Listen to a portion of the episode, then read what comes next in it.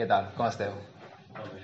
Feia molt de temps que no ens reuníem així en, en presencial, veient-nos ara mateix als ulls. Em fa molta il·lusió poder estrenar el clam, la veritat. Estic, no, haig de confessar que estic una mica nerviós. És la primera vegada que el faig així presencial. L'última vegada el vaig fer en virtual, en català. Aquest cop el faré en castellà, me l'he preparat així. I, I bueno, jo volia començar amb una pregunta. Come- empezar con una pregunta, ¿de acuerdo? ¿Cuándo creéis que empieza tu relación con Dios? ¿Cuando naces? ¿Cuando eres consciente de tu existencia? ¿Cuando eres mayor de edad? ¿Cuándo empieza tu relación con Dios? ¿no? Quiero que reflexionéis y al final me deis vuestro punto de vista. Os lanzaré unas cuantas preguntas. Y, bueno, voy a empezar un poco con lo que yo creo, lo que yo he, he estado estudiando. Bueno, tú nada más nacer, nada más nacer, pecas. Estas presentaciones las he, hecho yo ayer a las 12 de la noche porque no podía dormir. Están a mano, así que... Bueno, esto. Después os lanzaré la pregunta, ¿no? De cuándo empieza tu relación con Dios. Pero tú nada más nacer, tú pecas. Hostia, ¿cómo que pecas? Si nacido. ¿Te he hecho daño al nacer? Lo siento, quería respirar. ¿Me perdonas? Nada más nacer, tú pecas. La cagas. Existen dos tipos, bueno, como dos categorías de pecado, ¿no? Existe el pecado por acción, por hecho, un pecado que tú cometes, estás mintiendo, estás siendo consciente de que estás mintiendo, y existe un pecado simplemente por hecho de nacer, que es el pecado que Dios nos ha perdonado con, con la cruz. Existen, bueno, dos textos que lo, lo resumen bien estas dos categorías. El primero es Romanos 5.12. Uy, Bueno, eso, hay dos categorías, ¿no? La, la mentira, una acción, y la acción de nacer. Romanos 12, 5.12, perdón, dice, el pecado llegó al mundo por lo que hizo un hombre. Con el pecado llegó también la muerte. Todos tendrán que morir porque todos han pecado. Es lo que Dios, lo que Jesús nos perdonó cuando murió. En Éxodo 32.30 habla de otro tipo de pecado, el de acción. Y sucedió que al día siguiente dijo Moisés al pueblo, vosotros habéis cometido un gran pecado. Y sigue, son estos dos clases de pecado, ¿no? Entonces ya empieza un poco mal, ¿no? La relación con, Dios, pecando. Empieza uh, un poco regulera, ¿eh? Pero no te preocupes, porque al nacer tú simplemente eres una esponja. Tú captas información. Captas información por todos los sentidos que tengas disponibles. Olfato, oído, vista, tacto. Eres una esponja que absorbe todo lo que está alrededor. Y tienes que tener en cuenta que Dios te está observando ya. Desde el momento que naces incluso antes de nacer. Podemos leer en Jeremías 1, versículo 5, antes de que yo te formara en el vientre de tu madre, ya te conocía.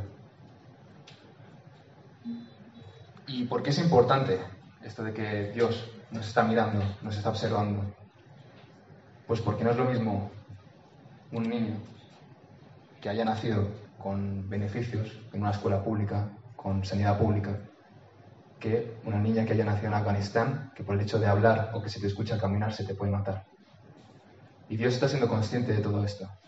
Y Dios ama distinto a una niña que haya nacido en Afganistán que a una niña que haya nacido aquí, en Barcelona, en Madrid. No, Dios nos ama a todos por igual. Hay un versículo muy bonito que es Juan 13, 34, 35, que es, un mandamiento nuevo os doy, que os améis los unos a los otros como yo os he amado a vosotros. Pero Él es un ser que cuando nacemos, cuando no tenemos conciencia de nosotros mismos, no sabemos muy bien cómo actúa, ¿no? Cuando eres un, bebé, a lo mejor, y el carrito se va una cuesta abajo y te pone una piedra y te para, no sabemos muy bien por qué actúa ahí y por qué a veces no.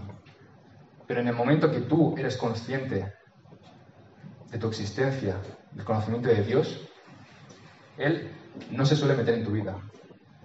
¿Por qué? ¿Por qué no, nos suele, no se suele meter en, tu vida? Si no le llamas. ¿Qué es lo que nos proporciona Dios?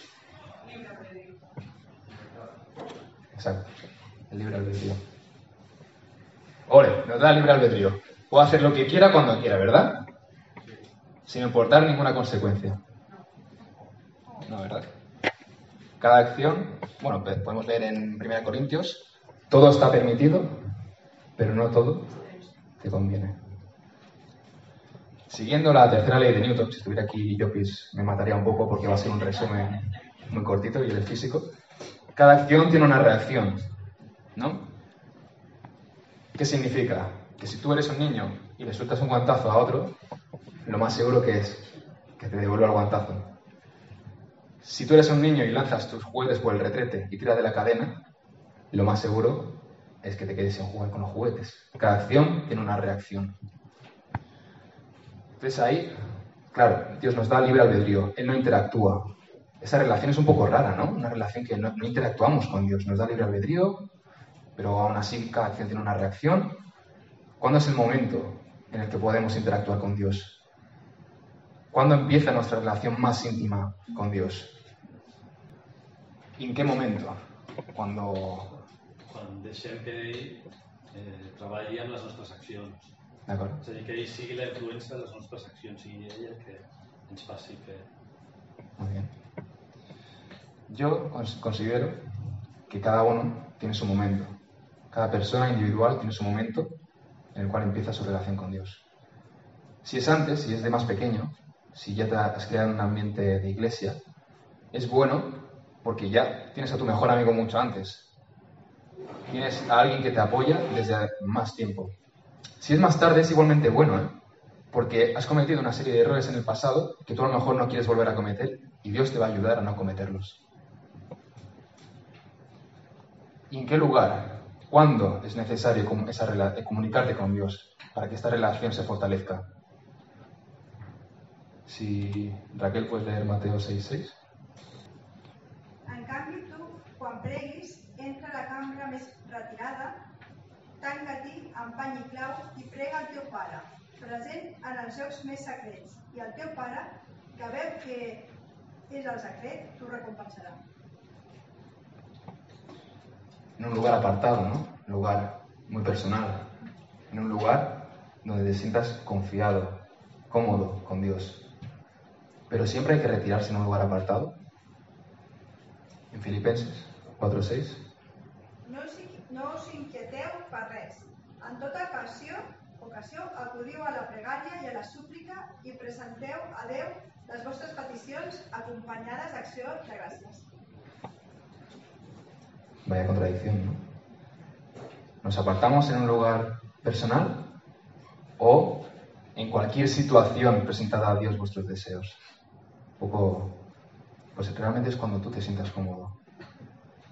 Y aquí es cuando nos tenemos que dar cuenta que nosotros no podemos generalizar qué se debe hacer, cómo debes interactuar con Dios. No puedes decirle a alguien, no, apártate para hablar con Dios. No puedes decirle a la gente, no, ora aquí, en este momento. No podemos generalizar una relación con Dios. ¿Por qué?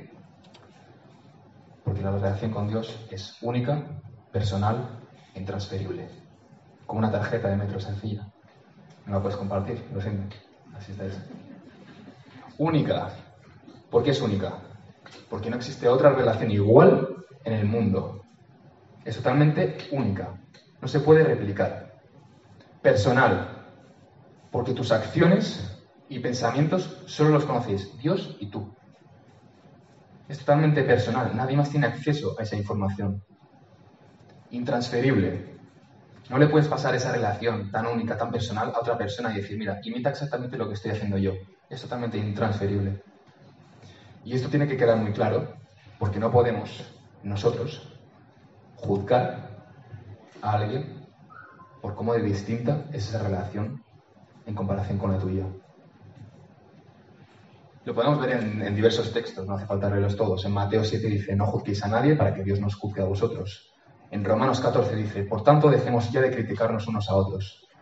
Proponeos más bien no ser para el hermano ocasión o motivo de pecado. Entonces ya tenemos esta relación, ¿no? Esa comunicación única, personal, intransferible, que no se puede generalizar. Parece que de momento va viento un poco a esta relación con Dios. Y esa relación, eh, ¿cómo, para vosotros, cómo es? ¿Es una relación intimidante, Es una relación donde Dios es un ser que está muy por encima de ti y casi que te sientes cómodo de hablar de, usted. Usted, Señor, protéjame este día.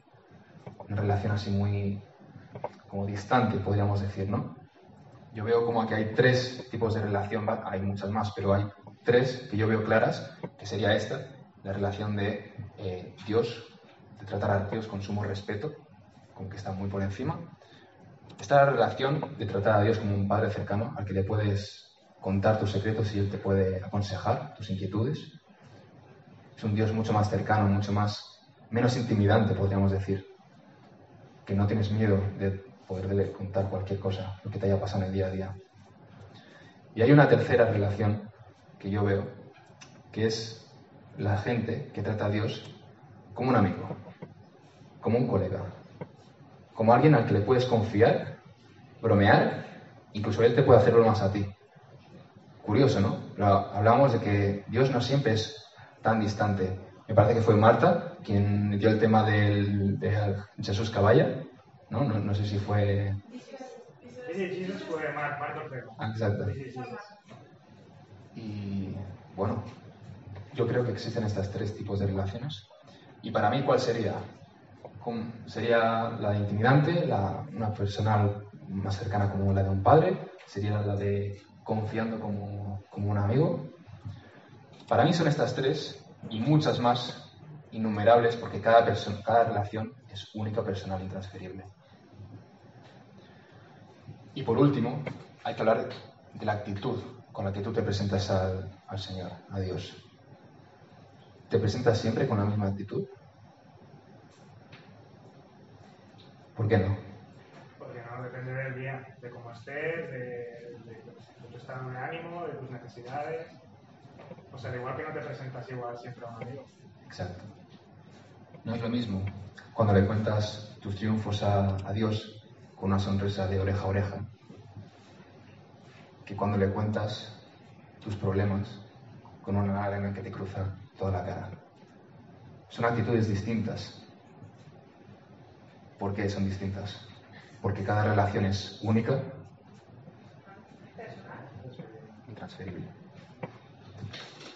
Habrá momentos en el que quieras con el Señor disfrutar de, de momentos íntimos querrás contarle tus secretos, a lo mejor te rayas porque en el trabajo no, no, ha salido como querías o los exámenes no han salido como planteabas. Y te presentarás con esta actitud, ¿no? Un poco más triste. Habrá momentos donde te presentes con, con alegría, mostrándole tus triunfos y siendo contento, estando contento con el Señor.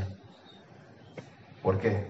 Porque el Señor te va a abrir los brazos, estés como estés, porque es una relación tan personal, tan única, que nadie más puede decirte cómo debes actuar con él. Y ahora os daré a vosotros paso con unas preguntitas.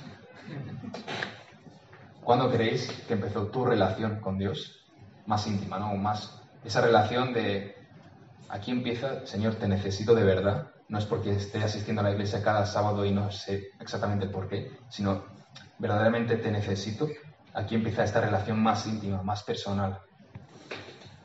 La siguiente pregunta sería, ¿cómo es esa relación ahora? ¿Una relación intimidante, de padre cercano, de amigo? ¿Cómo es en la actualidad? Y la última sería si la mejorarías, si crees que hay algo que cambiar, si crees que hay algo que, que no te guste o que se pueda siempre mejorar. Así que muchas gracias por, por atenderme. Es un tema cortito, pero yo creo que da en el clavo y es muy personal. Por eso ahora os toca a vosotros hablar.